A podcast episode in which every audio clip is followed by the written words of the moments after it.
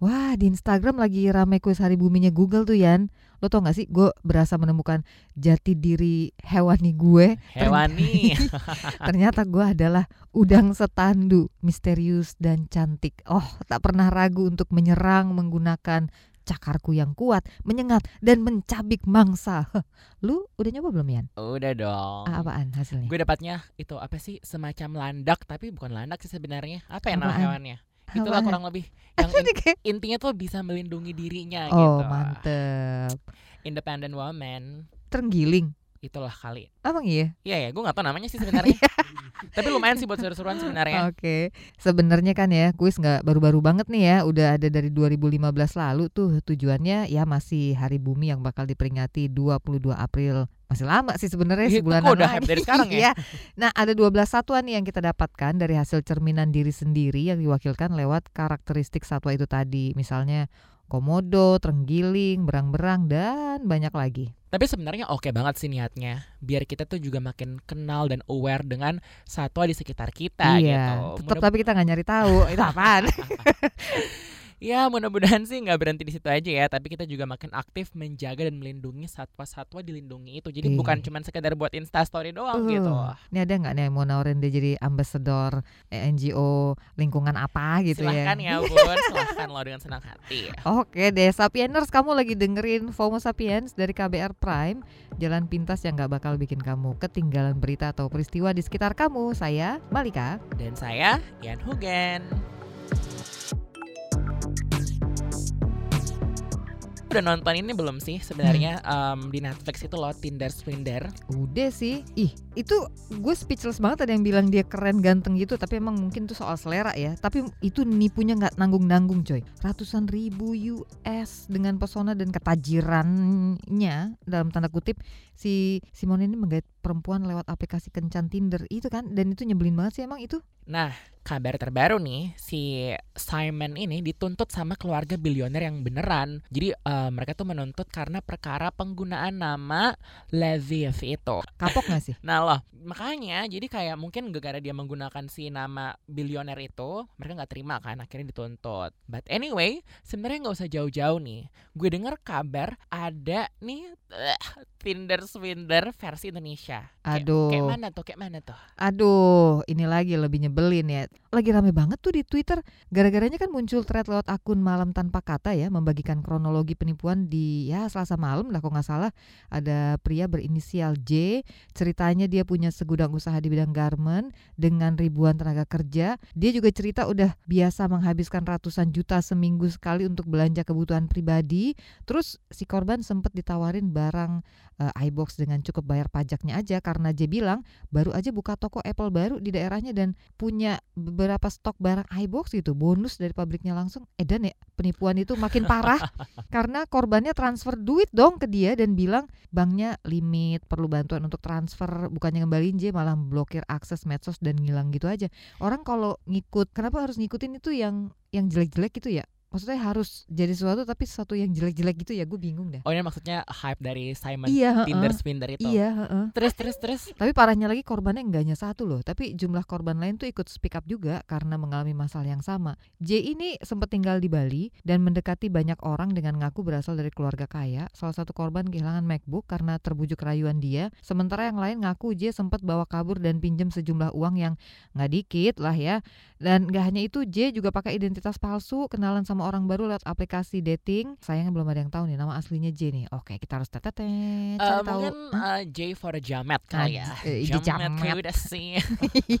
Sebenarnya kesel banget deh sama kelakuan orang-orang yang modelnya seperti ini gitu. Mana ngaku-ngaku pula lagi dari keluarga tajir, Bo ya. Yang tajir beneran aja aka Crazy Rich. Ini kan lagi pada ketar-ketir karena mereka lagi dipantau sama Aduh. Sri Mulyani. Iya iya itu gue gimana nih ya gue lagi dipantau eh gimana gimana? Eh emang emang emang belakangan ini lagi tren di medsos soal crazy rich yang pada pamer harta kekayaan gitu ya. Kayak eh, saldo rekening ngasih hadiah mewah sampai terima fasilitas perusahaan yang mewah. Eh malah ditangkap Kayak itu tuh yang ngaku Crazy Rich Medan Indra Kents, sama DS Doni Salaman, yang ngaku Salmanan. Salmanan yang ngaku Crazy Rich Bandung itu ya nggak? Nah, tapi kan sebenarnya Menteri Keuangan nih malah senang kan mantengin kelakuan para crazy rich ini karena fenomena itu malah mendorong petugas pajak untuk memastikan orang-orang super tajir itu telah membayar kewajibannya alias udah bayar pajak atau belum sih sebenarnya.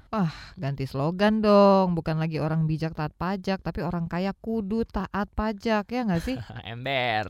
Nah intinya tuh nggak ada kompromi lah ya dengan kalangan kaya eh, terkait pajak, terlebih yang crazy rich, ya dia juga juga ada ngaku ya kalau dia kaya raya gitu kan, sangat kaya dan gila kekayaannya gitu. Lewat undang-undang harmonisasi peraturan perpajakan, pemerintah ingin orang-orang super kaya itu bayar pajak lebih besar, makanya disusunlah tuh peraturan perpajakan yang harapannya lebih adil bagi masyarakat. Jadi orang dengan fasilitas mewah akan punya kewajiban pajak yang lebih besar. Dan di aturan pajak penghasilan atau PPh yang baru tuh tarif pajak bagi orang super kaya kini dinaikkan jadi 35%. Abis ini pada tetap ini nggak tampil apa pada tiarap? Tapi gue penasaran deh sebenarnya ini ini out of tax ya. Tapi gue penasaran orang tuh jadi standarnya dibilang super kaya tuh apa sih? Eh, jangan salah loh. Ditjen Pajak tuh saat ini bisa masuk ke semua lembaga keuangan maupun non keuangan untuk dapat informasi soal wajib pajak. Selain itu, Indonesia juga masuk dalam sistem pertukaran data perpajakan antar negara. Jadi makin lengkap deh data harta wajib pajak yang ada di dalam dan di luar negeri. Nggak pamer harta aja ketahuan, apalagi yang pamer ya kan? Tapi sebenarnya logikanya ngaku tajir, pamer sana Mm-mm. sini, berarti ya harus siap dong bayar Betul. pajak lebih ya enggak sih? Mm-mm. Ibaratnya kayak maju kena, mundur kena, kayak film warkop gitu. Kalau gue rasa kayak tolong pajaki aku, aku sangat Aku juga mau raya." sih dipajakin. But anyway, itu kabarnya perkara aturan pajak yang baru lebih menyasar crazy rich aja ya sebenarnya. Karena kan fasilitas luar biasa besar yang mereka bisa dapat itu yang dimasukkan ke perhitungan perpajakan. Sebutannya tuh pajak natura gitu. Iya, wah, Yang artinya adalah pemberian barang atau kenikmatan dan bukan dalam bentuk uang seperti ya fasilitas mewah dari perusahaan sebagai bentuk balasan jasa. Meski belum terinci berapa nominalnya, tapi Mm-mm. fasilitas dari perusahaan yang bernominal tidak seberapa tak bakal kena pajak. Jadi Mm-mm. don't worry ya Sapieners. misal gimana? Nah itu ada standarnya. Jadi kalau misalnya menurut Dirjen Pajak mungkin itu belum seberapa, ya belum terkategori sebagai crazy rich ya tidak dikenakan pajak sehebring dan seheboh yang crazy rich itu. Jadi misal lu dapat gitu kan? Nah, jadi misal lo dapat laptop dan ponsel dari KBR nih, misalnya ya, itu nggak kena pajak, nggak Oh. apa-apa. Tapi untuk fasilitas transportasi dengan kayak jet pribadi Beuh. atau kartu kredit tidak terbatas, ya itu akan dikenakan pajak tentunya. Wah, nggak semua harus ditakar dengan uang ki sana. Berbahagialah wahai pekerja yang beroleh fasilitas kenikmatan berupa ketenangan batin dalam bekerja. Nggak kena pajak natura kan ya kan? Saya lo bun. Eh, ngomong-ngomong gue sempet nyebut tadi tuh soal Ika sama DS. Sebenarnya enak nggak enak dong ya kalau jadi crazy rich. Beberapa orang yang dikenal kaya tuh yang kalau di googling masuk dalam daftar Orkai Indo itu mereka bukannya justru kayak nolak gitu ya disebut crazy rich. Nih ya, menurut pengusaha sekaligus konsultan bisnis Bapak Tom, istilah crazy rich itu saat ini udah dimanfaatkan oleh orang-orang yang sebenarnya nggak bertanggung jawab loh. Jadi istilah itu tuh bergeser jadi sesuatu yang bisa ke arah negatif pamer duit segepok, ngaku-ngaku crazy rich, jadi malah bikin image tuh buruk gitu. Setahu gua kalau orang kaya banget tuh nggak ngaku karena tahu kan bakal dipajakinnya gede. Padahal sebenarnya kalau yang beneran crazy rich uangnya udah bukan segepok lagi ya. Tapi ngomongin soal pajak, lo udah lapor pajak tahunan belum nih? Itu ya sampai akhir bulan ini kan ya. Yo, Iya deh, belum.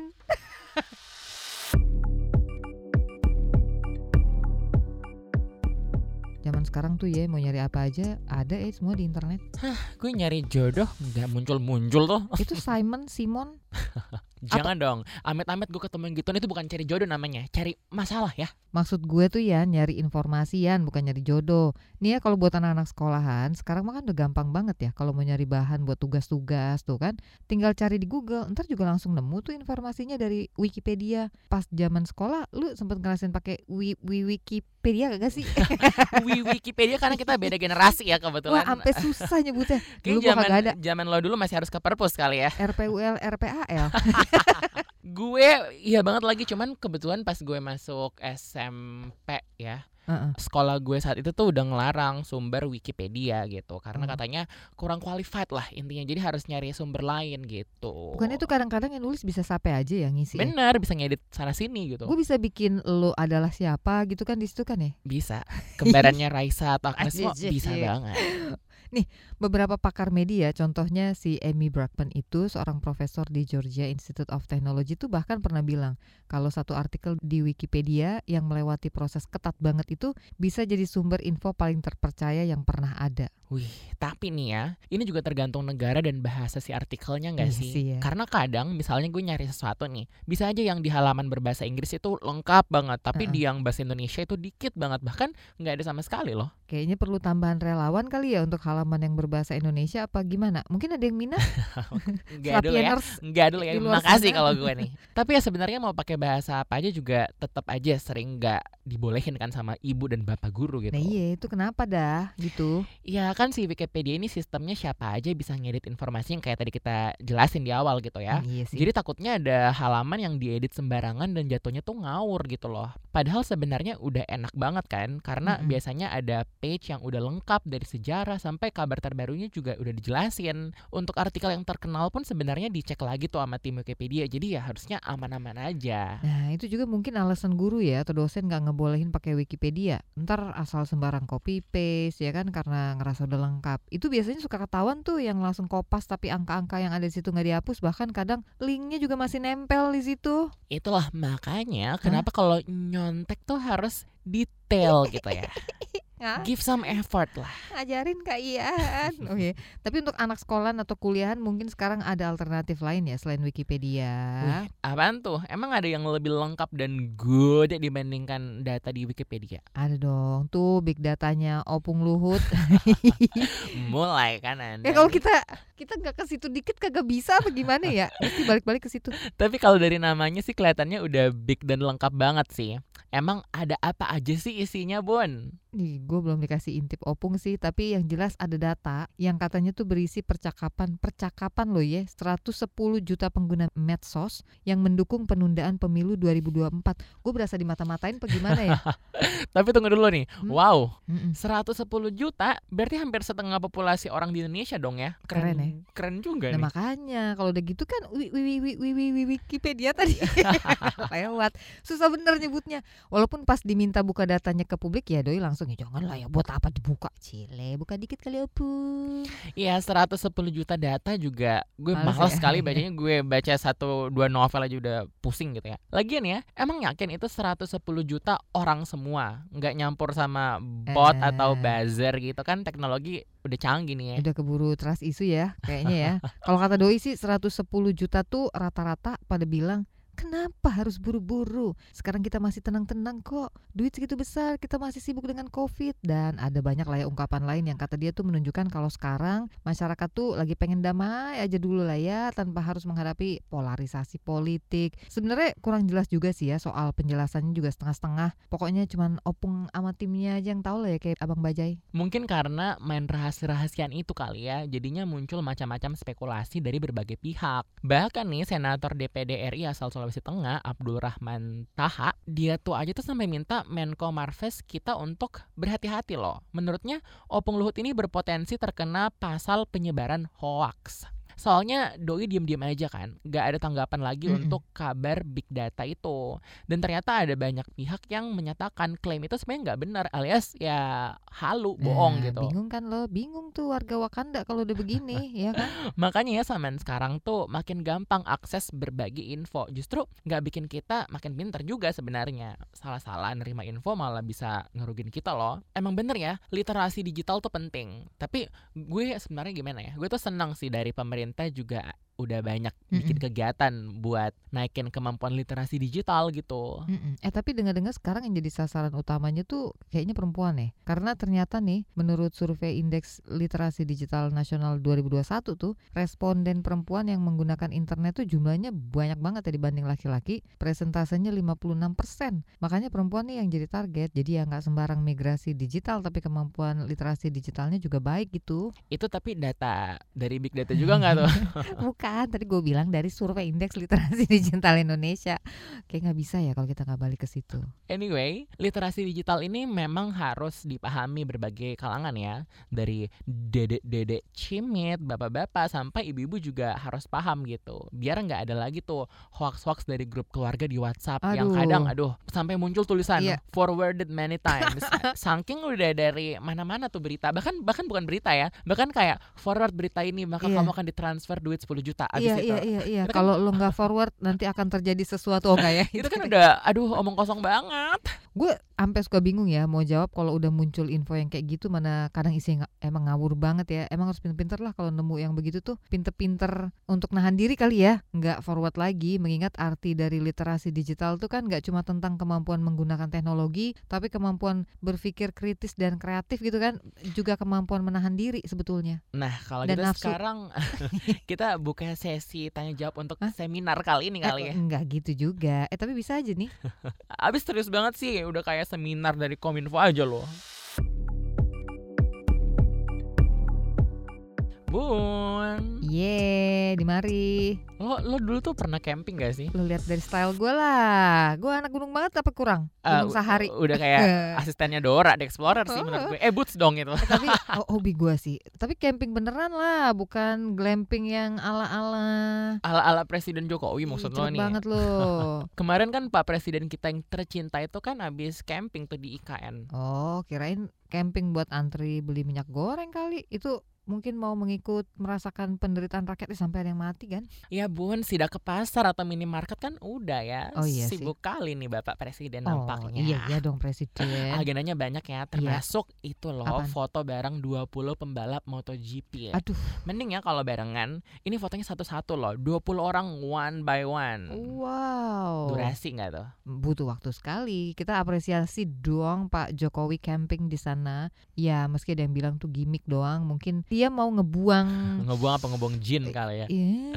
Kayak yang kemarin itu kan ada tuh yang bilang kayak gitu. Ya itu ngebuang omongan-omongan yang kayak gitu loh maksudnya komentar-komentar nggak penting kayak gitu sekalian menegaskan kalau nih ya konsep IKN tuh green deket dengan alam tapi bicara soal kedekatan dengan alam tuh mestinya kayaknya doi nggak lupa ya kalau ada masyarakat asli masyarakat adat pemilik ulayat yang bergantung sebetulnya sama kelestarian alam di sana. Jadi ada tantangan lain sebenarnya yang harus dilihat presiden tuh eh, secara konsep IKN green itu tadi kayaknya Mungkin nih ya Pak ya next ya, next time gitu Oh, kita oke kasih ide kali ada kita. saran nih ada saran Sekalian nih Pak belusukan dan live in atau anjang sana dengan pemangku ulayat di sana kan lebih bagus gitu. Hmm, Sekalian bisa loh. ngobrol sama tetua-tetua, ada yang puluhan atau bahkan ratusan tahun duluan ikrip dengan alam sana gitu. Iya. Camping bareng kayak mungkin biar Mm-mm. bisa bisa Apa? buat ngobrol heart to heart. Ih cakep banget emang idenya Ian kali ini loh ya Gue tuh sepakat banget tuh kan mereka butuh didengerin juga Sampai sekarang nih Katanya mereka-mereka itu belum diajak ketemuan malah nggak didengerin. Sementara lahan-lahan mereka tuh udah dipasangin plang gitu. Lah, tapi kok gitu ya? Itu namanya kan ngambil lahan milik masyarakat adat sana. Nah itulah. Ngomong-ngomong nih Yan Lo karena tadi lo nyebut-nyebut perkara harga minyak goreng Yang terbaru tuh ya setelah ada kebijakan Gue lihat harganya kok malahan makin mahal ya.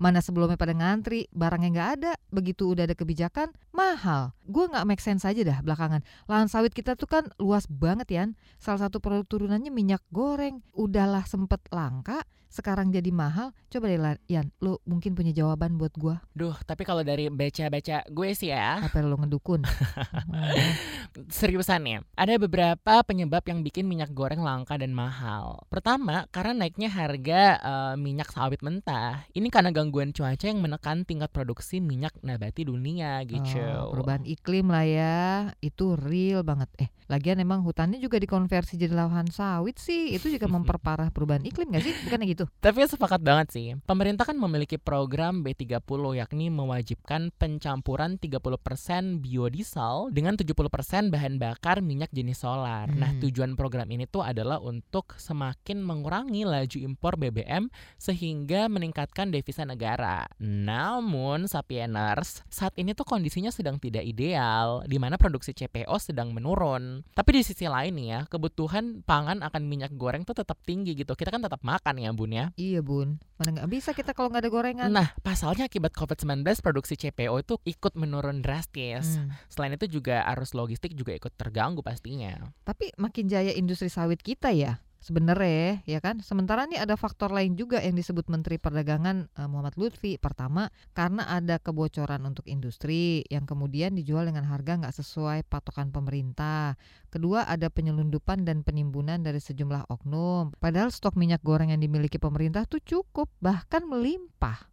Tapi itu yang bocor tadi siapa yang nadain ya? Wis nggak boleh bersyakwa sangka begitu ya bun? Mau puasaan loh. Kabarnya sih Kemendak juga menduga ada 415 juta liter minyak goreng murah yang kemungkinan dijual ke luar negeri alias diekspor. Pemerintah sudah identifikasi kan soal kebocoran itu tapi aduh ini rumit banget sih ya. Lengket kayak minyak goreng tiga lapis proses distribusi loh ya. Distribusi besar distributor terus ada agen minyak goreng yang biasa dijumpai di dekat pasar tradisional tuh ya dugaannya sih kebocoran ada di ketiga proses distribusi itu kecil-kecil-kecil jadi gede kali bocornya ya contoh kebocorannya nih ada industri yang nyerobot minyak goreng milik konsumen biar mereka belinya lebih murah kayak gitu-gitu tapi ini terus pemerintah udah ngapain aja sih biar harga minyak tuh bisa lebih murah meriah gitu atau at least stabil lah. Yang Hmm. sempat gue baca nih, penentuan harga eceran tertinggi yang ditetapkan pemerintah kapan itu Mm-mm. juga jadi salah satu penyebab mahal dan langka. Yang punya stok kan jadi nahan-nahan barangnya gitu. Lah ya itu, pas udah dilepas sekarang jadi lebih mahal deh. Udah nggak ada lagi tuh harga eceran tertinggi.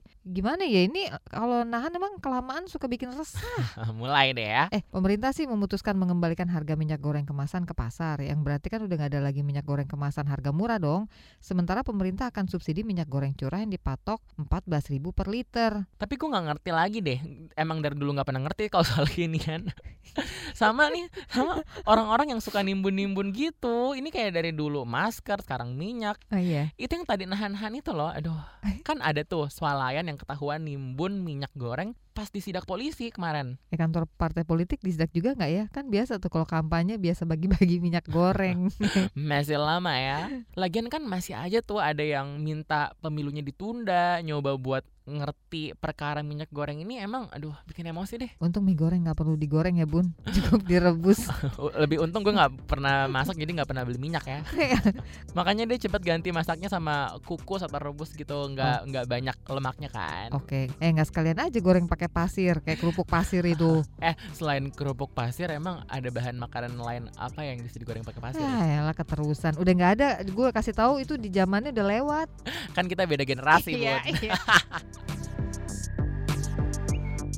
Itu dulu buat pekan ini. Saya Ian Hugan. Dan saya Malika, sampai ketemu pekan depan. Bye. Dah.